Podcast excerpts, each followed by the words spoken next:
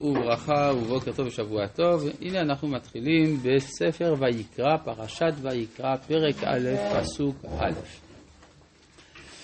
אה, ויקרא אל משה וידבר השם אליו מאוהל מועד לאמור, ואז זה ויקרא, לקרוא זה דיבור, סוג של דיבור, כמו... מה? לקרוא אל ויקרא, לקרוא אל... אז זה לא דיבור? אני שואל אותך, האם לקרוא זה סוג של דיבור או לא? כן, זהו, על זה זה מה שאמרנו. כן, ולקרוא זה סוג של דיבור. בעצם כל אחד מחמשת חומשי התורה הוא פותח בדיבור. בראשית, אמרו חכמים, בראשית זה מאמר, שמות זה, ואלה שמות, שמות זה המרכיבים של השפה, ויקרא גם זה סוג של דיבור, קריאה, לקרוא למישהו, כמו שאמרת בצדק. המילה הבאה זה מדבר. מה? כן, נדבר על המילה הראשונה. אה, ויקרא, לקרוא זה סוג של דיבור. ויש, כמו שאתה ציינת בצדק, תחילת ספר במדבר זה וידבר. כן. זה נקרא חומה של וידבר. זה אני הבנתי. אני רק אומר שא', אני דיברתי על המילה הראשונה, ב', שכמו שאמרת בצדק, וידבר זה גם ההתחלה של ספר במדבר. במדבר מתחיל במילה וידבר. וגם, אה, מה? אה, זה נכון. באמת, על דברים עוד לא דיברנו. מדוע? כי יש, דיברתי על ארבעה ראשונים, ואני לא יכול לדבר על חמישה דברים ביחד. אני יכול לדבר רק דבר אחד על גבי, אחרי השני. מדוע אינני יכול להגיד שני דברים ביחד? כי אינני אלוה. אם הייתי אלוה, הייתי יכול, אבל אני לא. עכשיו, אה, ספר דברים, גם כן, ואלה הדברים. כלומר, דברים, סוג של דיבור. אני כן, אנחנו מבינים שכל אחד מחמשת חומשי התורה הוא סוג אחר, הוא מבחינה אחרת בדיבור. כל התורה כולה היא דבר השם, ולכן יש כל מיני אופנים של הדיבור. אלא מה? שהמאפיין של ספר בראשית וגם של ספר שמות זה הפנייה ממעלה למטה. בראשית, ברור, הקדוש ברוך הוא הוא הבורא, הוא פועל לבדו את בריאת העולם, וספר בראשית מסתיים בסיום הקמת האומה הישראלית. כן, עם יוסף ואחיו. ספר שמות, גם הוא ממעלה למטה, זה הפנייה של הקדוש ברוך הוא אל האדם, דרך אה, יציאת מצרים, מעמד הר סיני, וזה מסתיים בהשראת השכינה באוהל מועד, ולכן אפשר לומר שגם ספר בראשית וגם ספר שמות הם בנויים על אותו הכיוון.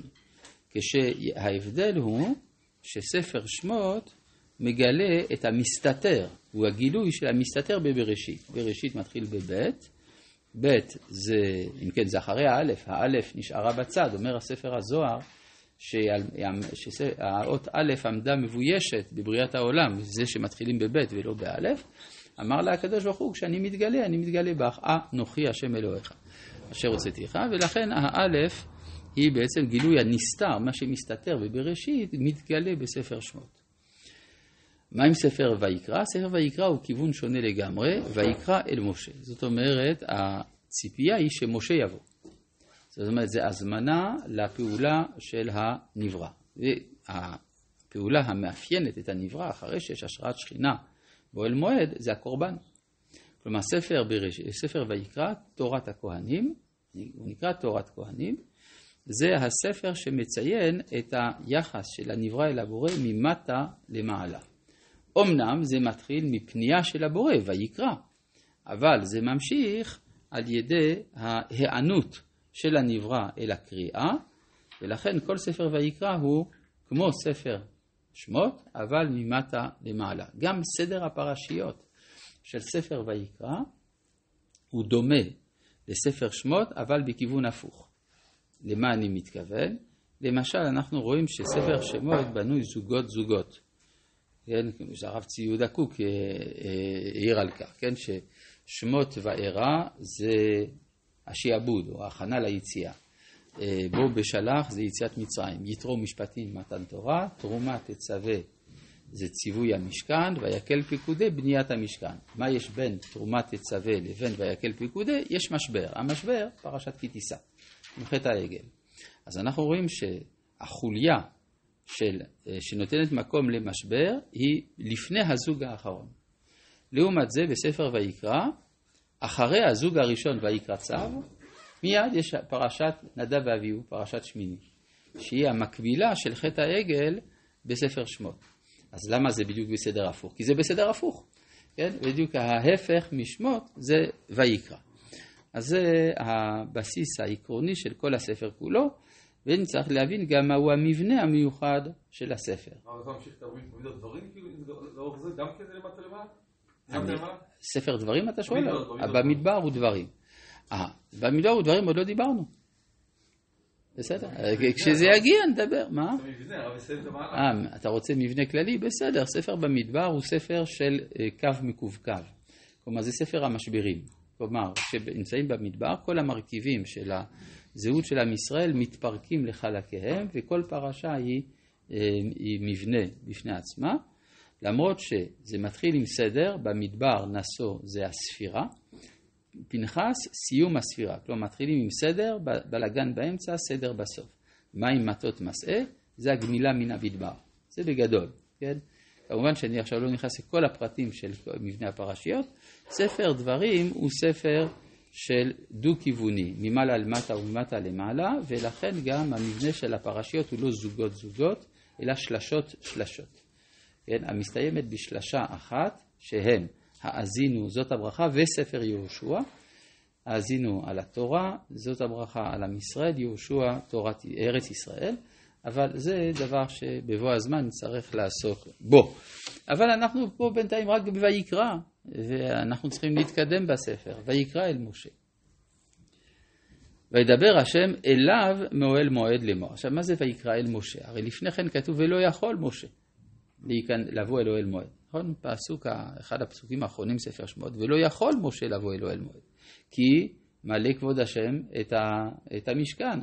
כבוד השם היה האש, כן? הענן היה מבחוץ, האש היה מבפנים, האש מילאה את כל החלל של אוהל מועד. אז ויקרא אל משה שהאש הולכת ומתכנסת לבין שני הכרובים, ואז הוא יכול להיכנס.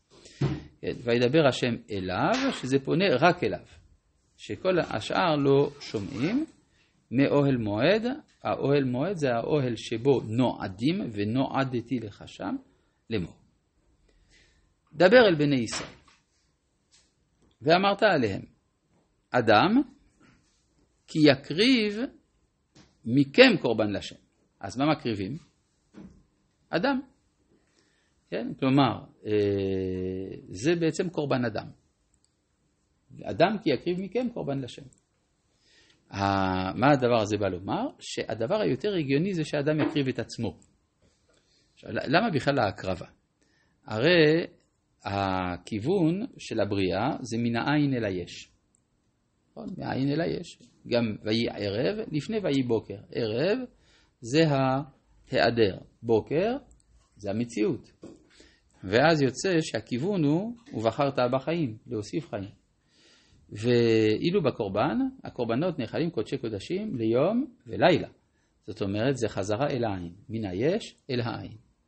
ויש מגמה פנימית בתוך הבריאה של רצון של דבקות בראשית. ואז יוצא שיש לנו שתי מגמות מתנגדות זו לזו.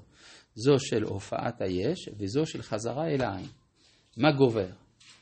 אז מידת החסד גוברת על מידת הדין. אבל מוכרח להיות שיהיה גם כיוון של רצון של הדבקות, שבא לידי ביטוי בהקרבת עצמו. וזה בדיוק מה שכתוב, והאלוהים נישא את אברהם, ולא כתוב שנישא את יצחק.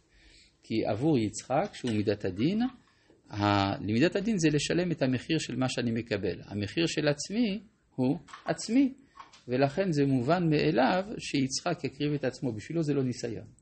זה ניסיון עבור בעל מידת החסד, שרואה בקדוש ברוך הוא מי שבורא, מי שנותן מציאות. אז אם כן, הכוונה היא באמת להקריב את עצמו. אבל הקדוש ברוך הוא אומר, אל תשלח, לא מסכים. לא רוצה. לא, למה לא רוצה? מה, מה, אני לא בסדר? לא, במקומך, מן הבהמה, מן הבקר ומן הצאן תקריבו את קורבנכם. הכוונה היא שתקריבו את עצמכם, אבל המציאות היא מקריבים מן הבהמה.